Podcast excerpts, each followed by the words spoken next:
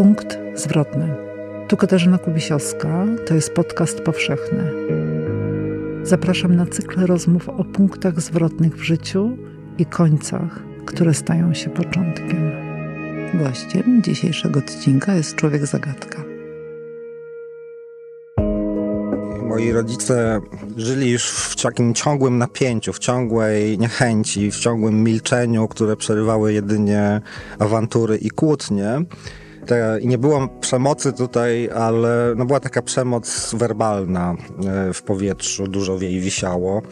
I bardzo się, oczywiście bardzo się z tym czułem. Do tego jeszcze było taka, to, to było totalnie schizoidalne doświadczenie, prawda? Jeżeli się rodzice y, nienawidzą. Y, więc y, moment, w którym oni się rozstali, był bardzo dla mnie takim właśnie dobrym y, wydarzeniem. Uznałem, że to jest słuszna, słuszna decyzja. Przyklasnąłem im.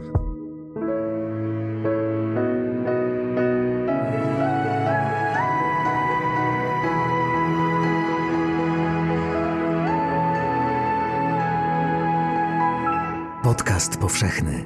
Weź, słuchaj.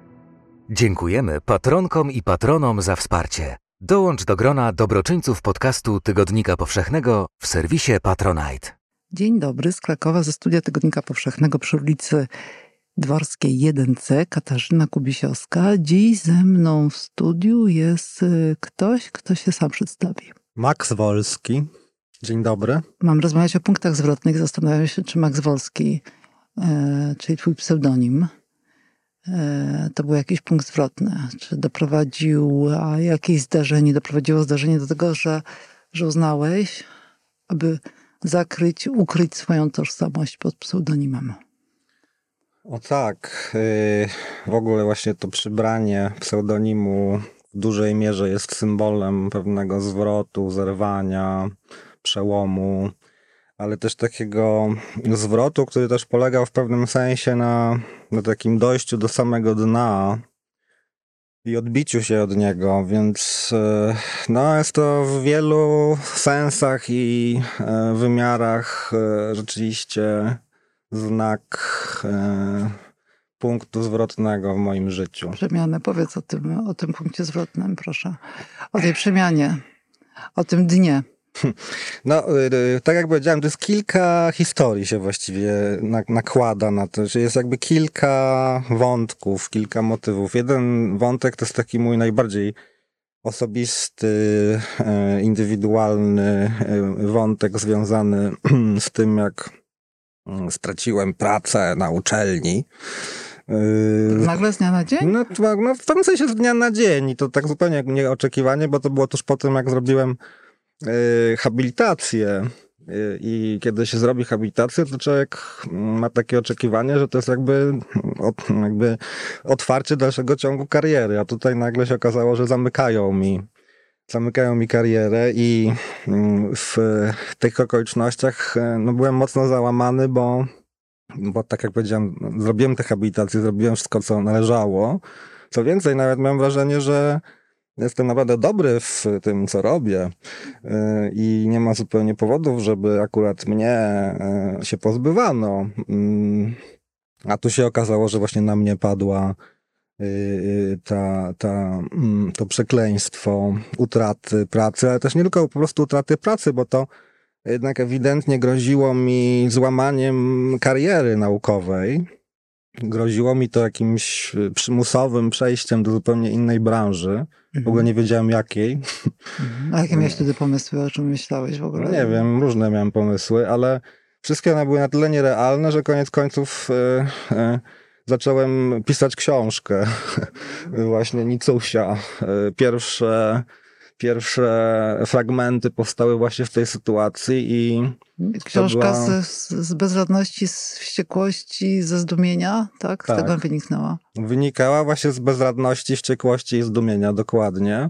I jest jakby też w początkowej, zwłaszcza swojej y, y, części, no zapisem tej wściekłości, też wściekłości na siebie głównie, bo ja jako wychowanek lat 90. nauczony jestem jednak sądzić, że wszystko, co mnie złego spotyka, to moja wina. I dlatego też myślałem, że to w jakiś sposób może jednak właśnie moja wina, że mnie coś takiego spotkało, że Czekaj czegoś nie dopatrzyłem. To jest bardzo ważne. Dlaczego, dlaczego w ten sposób myślisz? Dlaczego człowiek... No tak z- zostałem wychowany. Aha.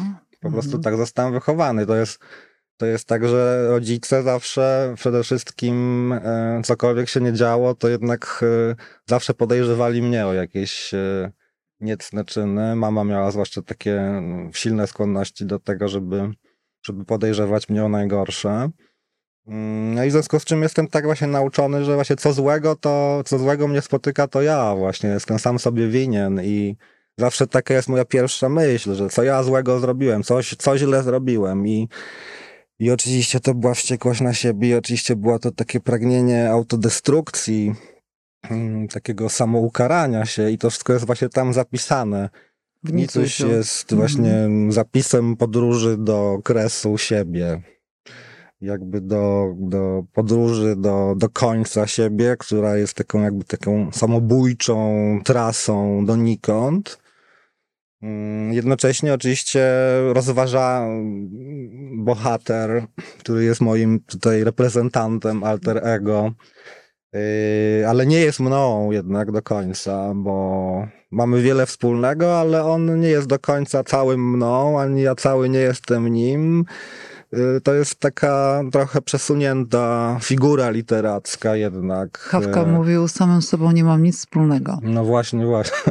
No, aż tak daleko bym się nie posunął, ale tutaj ten bohater, e, mimo wszystko, pomimo tego, że początkowe i pierwotne motywy były bardzo osobiste i takie skłaniające pewnie do wylewania własnej frustracji i żalu, jednak też z drugiej strony na tyle jestem literatem jakoś tam, że od początku też miałem nad tym kontrolę i jakąś formę temu nadawałem.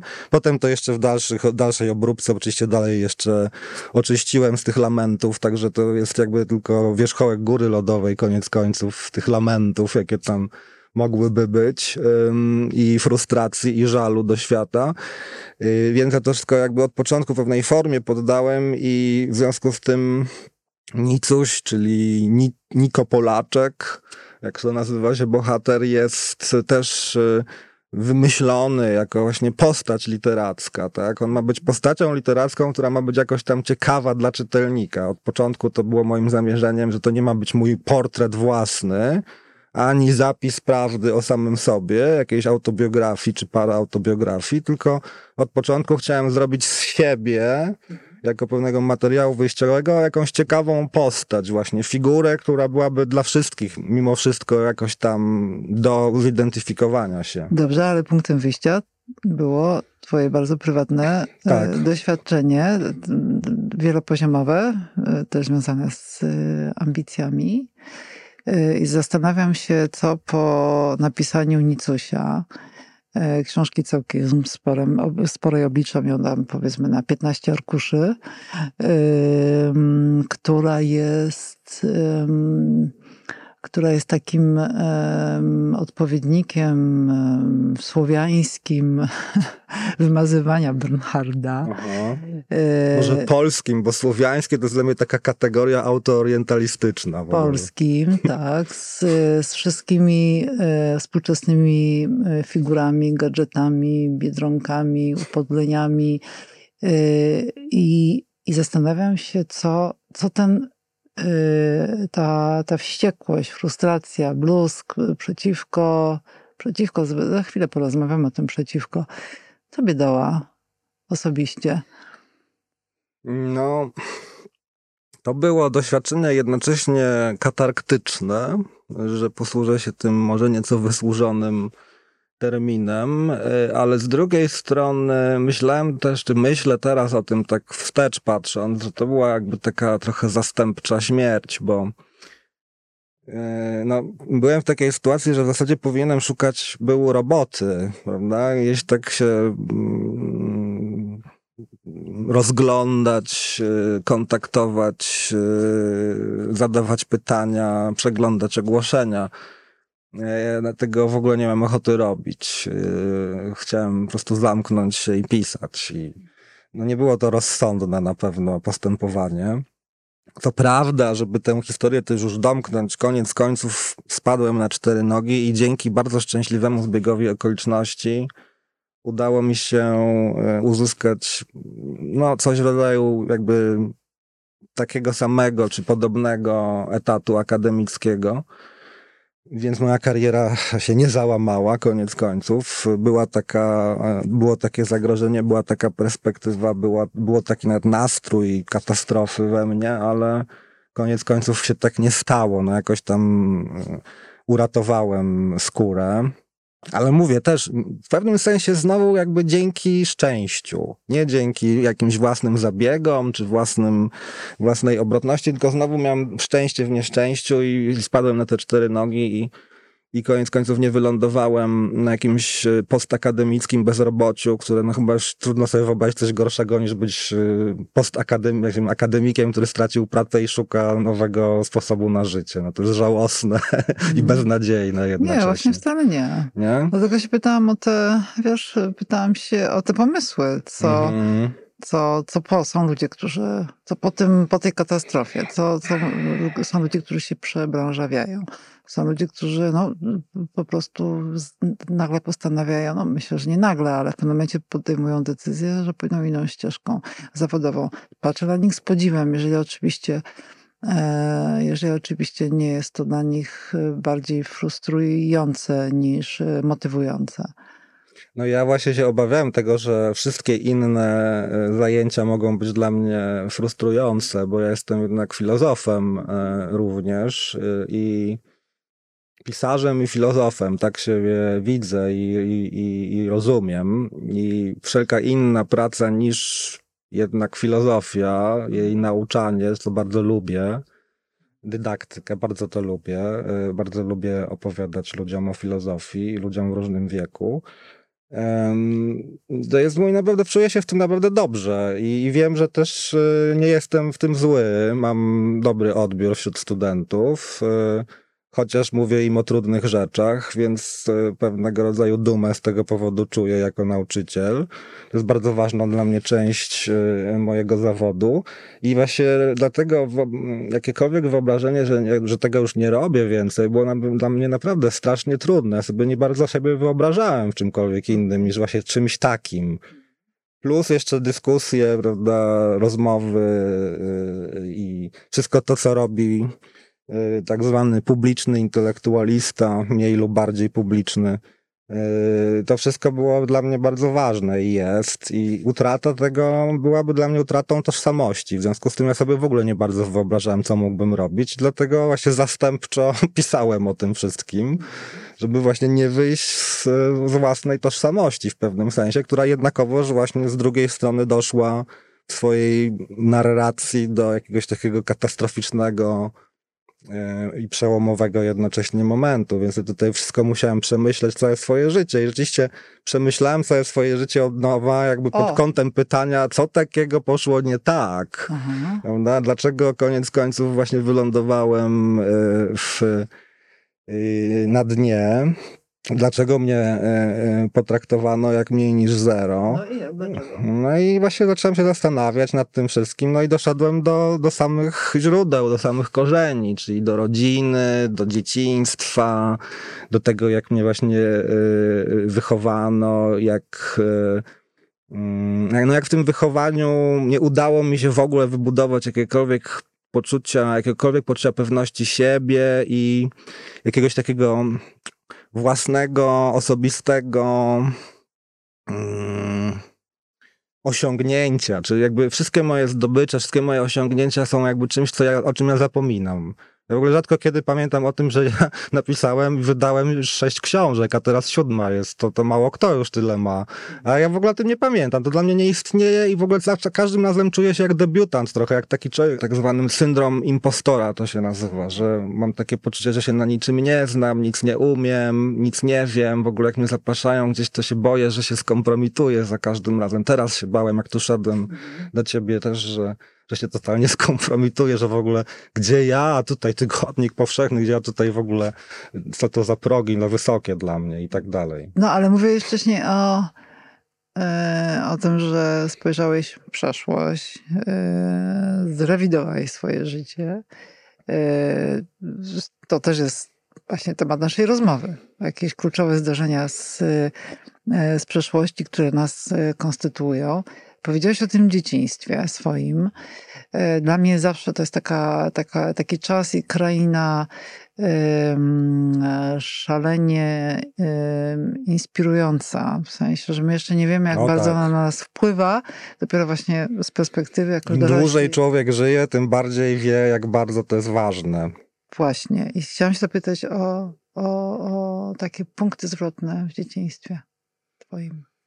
Hmm, no to chyba największym, najważniejszym punktem zwrotnym w moim dzieciństwie był rozwód moich y, rodziców, który nawiasem mówiąc nie był jakimś dla mnie tragicznym wydarzeniem, tylko raczej czymś w rodzaju ulgi wielkiej, bo pamiętam, że mm, y, y, moi rodzice żyli już w takim ciągłym napięciu, w ciągłej niechęci, w ciągłym milczeniu, które przerywały jedynie awantury i kłótnie. Yy, I, I nie było przemocy tutaj, ale no była taka przemoc werbalna yy, w powietrzu, dużo jej wisiało. I bardzo się, oczywiście bardzo źle się tym czułem. Do tego jeszcze było taka, to, to było totalnie schizoidalne doświadczenie, prawda? Jeżeli się rodzice yy, nienawidzą.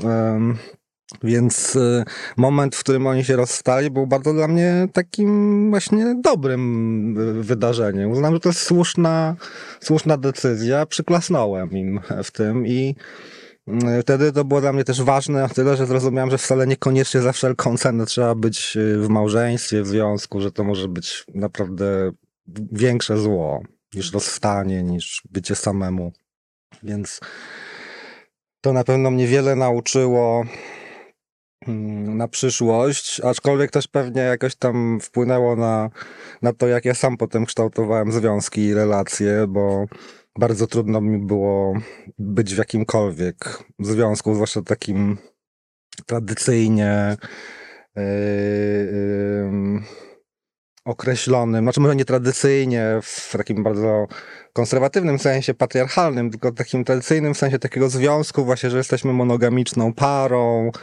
Yy, yy, coś takiego było dla mnie zawsze trudnym do wypełnienia schematem i, yy, i, i do dzisiaj mi się tego koniec końców nie udało chyba zdobyć w życiu. Ten temat w ogóle przenika książkę Nicuś. No to jest w ogóle najważniejszy temat tej książki. To jest głównie książka o miłości. O, o miłości, która jest y, zawsze koniec końców katastrofą i wiedzie donikąd, ale jednocześnie jest bardzo ciekawym, najciekawszym z doświadczeń, jakie w ogóle mamy w życiu. Tylko dzięki niej w ogóle żyjemy i czujemy, że żyjemy i właśnie to, to też mi się wydaje, że udało mi się oddać w tym tekście właśnie te momenty, kiedy czułem, że żyję. Bo normalnie właśnie nie do końca czuję, że żyję, tylko tak wydaje mi się, że jestem takim półniebytem w zasadzie. E, Czy półbytem, półniebytem. Taki się wydaje trochę przezroczysty, porowaty, niewidzialny do pewnego stopnia. A to jest jeszcze inny temat w ogóle mojego życia. Ta niewidzialność swoista. Ale, yy, ale właśnie kiedy kocham, tak? Czy kiedy kochałem, teraz też kocham. I czuję się naprawdę wtedy tak solidnie, mocno osadzony w bycie. Czuję się prawdziwym bytem wtedy. Wiesz, jak powiedziałeś o, e, o miłości, że to jest książka o miłości, tak? To jest książka o takiej miłości, która ma wiele odsłon. Miłości do kraju. E, Też. e, Tak. Miłości do ludzi. Bardzo to wszystko jest przewrotne w, w tej formie, którą, którą proponujesz, ale ja myślę sobie o, o tych miłościach, e, które nam się zdarzają i wcale nie są związane z, z partnerkami, partnerami, żonami, mężami i tak dalej, dziećmi, tylko z przyjaciółmi. E, O, o miłosnych relacjach z przyjaciółmi, które ja akurat stawiam na, e, na bardzo wysoko swojej hierarchii wartości. E, Bo jeżeli inne rzeczy, sprawy w naszym życiu się nie zmieniają, to prawdziwi przyjaciele trwają. I chciałam się ciebie zapytać o twoich przyjaciół. No akurat Nicuś, e, tak jak powiedziałem, nie jest w pełni e, e, opisem mnie, dlatego ja akurat nie mówię o Nicusiu nic o przyjaciołach. E, oni tam by trochę może zakłócili tę gładką narrację zmierzania donikąd. Dlatego pytam Maxa Wolskiego, jego E, przyjaciół. e, natomiast Max Wolski na szczęście przyjaciół ma i też to, tak jak powiedziałem o tym szczęściu, które miałem mm, wtedy, kiedy straciłem pracę na akademii, ale potem ją jednak odzyskałem na innym wydziale, na podobnych warunkach, no to to właśnie zawdzięczam przyjaźni e, y, z pewnym e, wielkim polskim filozofem, którego stąd pozdrawiam. Także tak, e, a inni przyjaciele, oczywiście mam jeszcze wielu, e, czy paru co najmniej innych wielkich przyjaciół i przyjaciółek.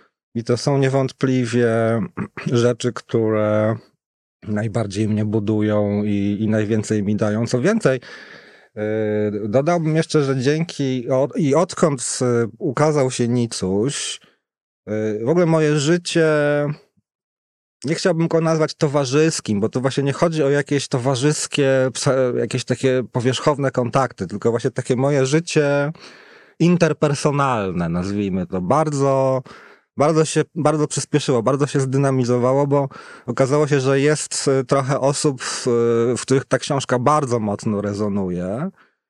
I no i oni mi się dali poznać y, i y, od y, pół roku, kiedy Nicuś funkcjonuje, no, zdobyłem kilkoro nowych, i to, ale takich naprawdę wielkich przyjaciół, wspaniałych ludzi, którzy się okazali takimi duchowo mi bardzo bliskimi osobami, których wcześniej nie znałem, a poznałem właśnie dzięki Nicusiowi i yy, wydaje mi się, że w ogóle pisanie książek jest trochę właśnie po to, żeby poznawać ludzi. Być może właśnie dzięki Nicusiowi dopiero zrozumiałem to, po co się pisze książki, że w zasadzie nie po to, żeby je napisać, tylko po to, żeby dzięki, że to są takie listy do ludzi. Takie listy w butelce, które wrzucamy do oceanu. E, Kiedy wydajemy książkę, one sobie w tym oceanie pływają i nagle ktoś wydobywa, czy, czyta ten list i, mówi, i myśli sobie, że to jest do niego właśnie list i odpisuje. I teraz dzięki temu, że mamy social media, to oni mogą mi natychmiast odpisać, nie trzeba czekać na telegramy czy, czy inne y, formy, tylko od razu mam ten feedback i naprawdę jestem niesłychanie zbudowany i, i, i pełen wdzięczności. Naprawdę przepełnia mnie ogromna wdzięczność do, do wszystkich ludzi, którzy mi jakiś feedback, a takich osób, które jakikolwiek feedback mi dały na temat Nicusia, taki pozytywny, że właśnie rezonuje, że czytają, no było naprawdę z kilkadziesiąt co najmniej. Wszystkim im jestem niesłychanie wdzięczny i dziękuję, ale kilkoro z nich to szczególne dla mnie osoby, właśnie nowi przyjaciele. Także książka o nicości i o katastrofie koniec końców właśnie w ten katarktyczny jakiś sposób paradoksalnie okazała się dla mnie niesłychanie budująca i przełomowa w pozytywnym sensie. No to jest ten ideał, prawda? Że Ideał, punkty tak. zwrotne, czyli coś, y, co często jest, no właśnie, ciemne, traumatyczne i, i wydaje nam się na początkowo, że nie do pokonania, okazuje się wejściem w nową rzeczywistość, Tak, także ja w sobie. Nie jestem wielkim zwolennikiem powiedzenia niczego, że co cię nie zabije, to cię wzmocni, ale w tym wypadku rzeczywiście się tak stało i być może to powiedzenie nie opisuje wcale wszystkich sytuacji, kiedy coś nas zabija czy, czy uszkadza. W większości przypadków, jeżeli coś nas uszkadza czy, czy, czy, czy zagraża, to przeważnie nas nie wzmacnia, tylko osłabia. Ale są takie właśnie szczęśliwe zbiegi okoliczności, kiedy coś złego naprawdę może nam zrobić dobrze. I kiedy coś takiego się stanie, to to jest jakby najwyższa wygrana w loterii życia. I ja tę wygraną w pewnym sensie czuję, że, że, że, że wygrałem. Dzięki Nicusiowi. Ja się też zastanawiam, wiesz, nad tym, tutaj się cały czas gryziesz w język, e, żeby nie mówić pewnych nazwisk, bo wtedy byś musiał ujawnić e, to imię i nazwisko, które masz wpisane w dowodzie osobistym. Jak, jak to jest, kiedy Max Wolski y, napędza tego człowieka, który y, jest filozofem i pisze teksty filozoficzne za chwilę przecież ukaże się twoja kolejna książka. Jak te dwie, dwie persony, dwie postaci y, ze sobą y, współgrają? No i jeszcze mam takie pytanie, Czy ty reagujesz w sumie na... Kiedy zacząłeś reagować na imię Max? Sam się tak ochrzciłeś. Yy, niedawno, ale wspaniale jest sobie nadać imię. To jest Świetne. jeden z piękniejszych rzeczy, które można w życiu zdobyć, to nadać sobie samemu imię. I nazwisko. I nazwisko, Mhm. tak. Aczkolwiek to imię i nazwisko jest w pewnym sensie częścią mojego prawdziwego nazwiska. Jest jakby wycięte, wymontowane z niego. Troszkę Yy, przemeblowane. Przemeblowane, tak. I w tym sensie pomiędzy nami dwoma, Maxem i tym pierwotnym mną, jest e, symbioza, jest taka schizoidalna symbioza. E, Mamy wiele wspólnego i skoro wspomniałaś o moich dziełach filozoficznych, to chciałem tutaj zwierzyć się, czy wyznać, że one wcale nie stanowią jakiejś oddzielnej y, dla mnie intelektualnie czy duchowo mm, części mojego życia. To wszystko jest ze sobą splecione i jest taki jeden motyw przewodni, jedno, podstaw, jedno podstawowe pojęcie w moim życiu, które w zasadzie tyczy się wszystkich moich książek, niezależnie od tego, o czym one są, czy są prozą, czy literaturą, czy są traktatem filozoficznym. I to jest wolność.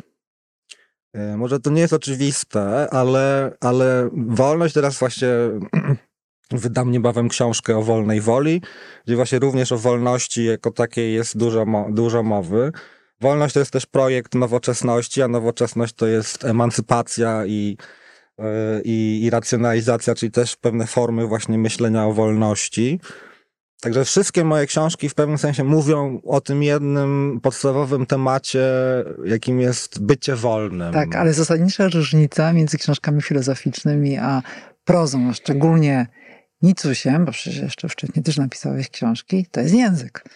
Takim językiem, jak, jakim jest napisane Nicuś, nie napisałbyś żadnego traktatu filozoficznego. Oczywiście, no dlatego właśnie proza otwiera zupełnie nowe możliwości i teraz jak napisałem Nicusia i widzę jak wielki odzew on wytworzył i, i, i wykreował z tym tekstem, to jestem w ogóle zupełnie nowym żywiole, no bo teksty filozoficzne, książki filozoficzne przeważnie y, wpadają w próżnię. Nikt y, ich y, nie komentuje, zrecenzują je co najwyżej w jakichś tam niszowych czasopismach, nawet człowiek się nie dowie o tym, że to recenzja jest.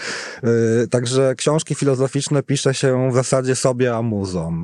Nadzwyczaj rzadko zdarza się, żeby był jakiś szerszy ich obieg czy odbiór. I to jest ta różnica między właśnie Nicusiem, który zaprosił do takiego spotkania z tobą i autorem y, innych ludzi, Tak. a książką tak. filozoficzną, która jest w takim, no na takim marginesie, prawda? I dość do, do pewnego No jest- hermetycznego... Jest niestety y, ograniczona, y, bo wymaga pewnego poziomu na pewno wiedzy i, i jakiegoś tam obycia z filozofią, a no to jest rzadkość, w związku z czym, w związku z czym mało, mało jest takich, mało jest czytelników spoza jakiegoś tam wąskiego kręgu zainteresowanych tym mm, poprzez pracę.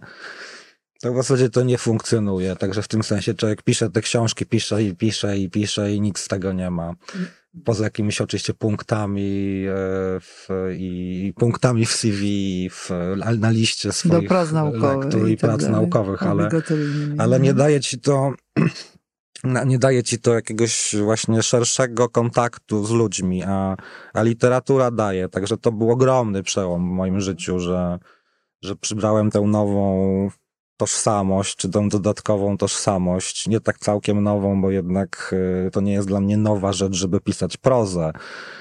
Ja już debiutowałem jako prozaik jeszcze w 1998 roku. Wściekłym. Tak, Tak. w, w twórczości. E, Więc e, to nie jest dla mnie nic nowego, ale Max Wolski jest nowym projektem w tym sensie, że się trochę odcinam od swoich dawnych e, prozatorskich dokonań i, i przekonań też. Byłem kiedyś takim bardziej eksperymentalnym pisarzem, a Nicuś no jakby mm, odchodzi od takiego skrajnie eksperymenta- eksperymentalnego formalnie pisarstwa w stronę czegoś, co wydaje mi się, przynajmniej miało to być w moim zamierzeniu, jednak no, łatwiejsze w odbiorze niż moje wcześniejsze rzeczy. Yy, Nie wiem, jak ty to widzisz. Zdaje się, że tak czy owak jest to chyba dość niszowe i, i niełatwe. Mm, Czego żałuję straszliwie, bo bardzo chciałem, żeby to było maksymalnie łatwe właśnie w odbiorze. A nawet takie właśnie wciągające i wiele osób mówi, że jest to wciągające, no ale jednak nie aż tak chyba jak, y, jak jakieś bardziej właśnie popularne. Poza tym też jest ten ogromny ten ładunek y, emocjonalny, który myślę, że dla wielu ludzi może być chyba zbyt intensywny, zbyt silny. No, to jest po prostu pewien świat, który e, to jest pewna fala, której albo się poddamy, albo nie. Fala języka, fala właśnie Mhm. emocji. I to jest chyba kwestia mm, odporności, wrażliwości, ale też momentu czytelniczego. Czy chcemy być zabrani przez taką falę, czy też zatrzymajemy się na progu i odstawiamy tę książkę, ale to jest wspaniałe właśnie, że że ten ogród literatury daje nam takie możliwości i że to też jest e, naprawdę błogosławieństwo, że książki możemy odłożyć na półkę, później możemy do nich na przykład wrócić po jakimś czasie. Okazuje się, że to jest dobry moment na, na tę lekturę. Natomiast e, Max, e, chciałabym się jeszcze zapytać o coś, co mi nie daje spokoju, bo tutaj o- odsłoniliśmy mm, wspólnie i twoje oblicze pisarskie i trochę filozoficzne, Mm, ale czy punktem zwrotnym, mm, bo przez ciebie podjęcie decyzji, że idziesz studiować e, filozofię.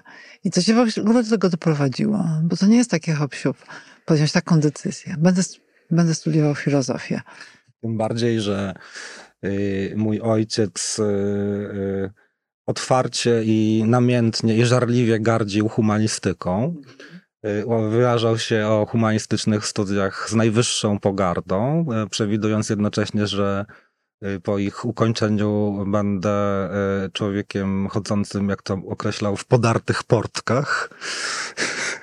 Więc y, trochę był to na pewno bunt przeciwko takiej jego apodyktycznej postawie.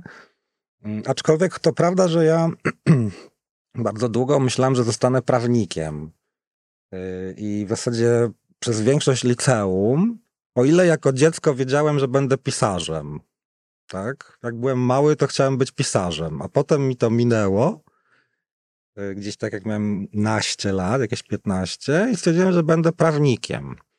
I przez parę lat się przygotowywałem do tego perspektywicznie. czy Uczyłem się historii, bo to, co było, to było na egzaminie na prawo wymagane i tak dalej. I gdzieś w czwartej klasie liceum, wtedy było czteroletnie, tak jak i teraz zresztą, czyli jak byłem maturzystą już, mm, najpierw przeczytałem eseje Camus, ale jeszcze wcześniej. I to już na mnie robiło wrażenie. Zresztą jakby czułem ten pociąg do filozofii już wcześniej, ale chyba takim naprawdę najbardziej przełomowym momentem było to, jak przeczytałem, czy zacząłem czytać, czy próbować czytać Bycie i czas Heideggera. To zrobiło na mnie takie wrażenie, że stwierdziłem, że nic już innego mnie nie obchodzi w życiu. I nie chcę już być prawnikiem, nie chcę być nikim, chcę tylko właśnie studiować, studiować byt. Yy, No było to oczywiście egzaltowane, naiwne i młodzieńcze i do tego jeszcze no, wa- wariackie, że ja po- poszedłem nie na filozofię, tylko wybrałem się na międzywydziałowe studia humanistyczne, ale od razu projektowałem, że zostanę tam na specjalizacji filozoficznej. Chociaż też brałem pod uwagę jakieś dodatkowe.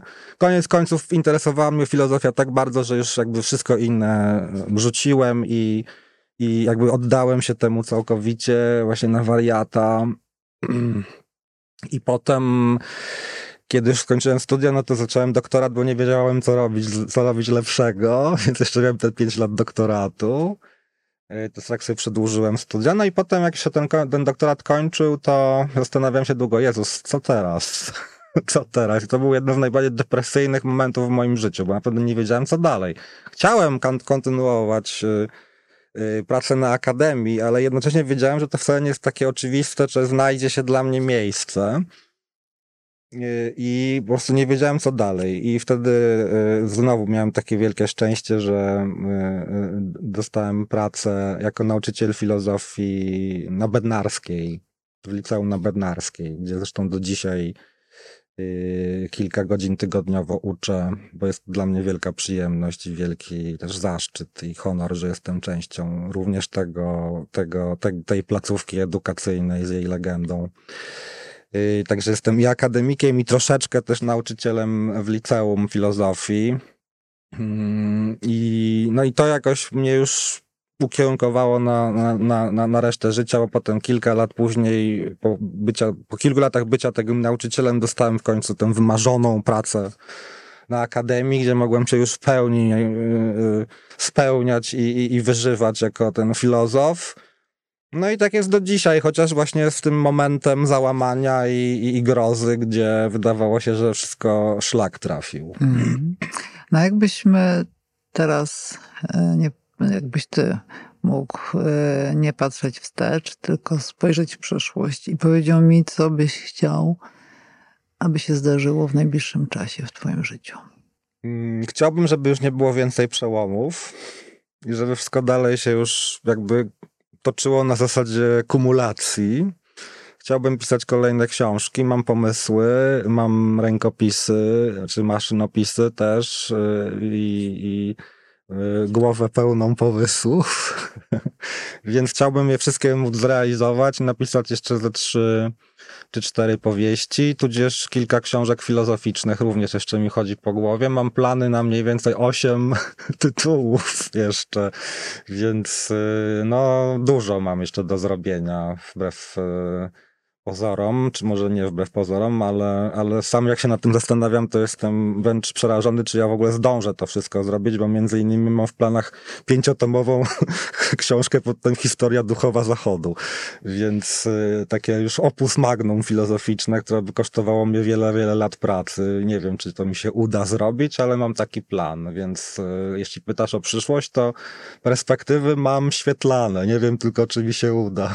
No tak na pół wieku. Na pół wieku mniej więcej. No jeszcze może pożyję trochę.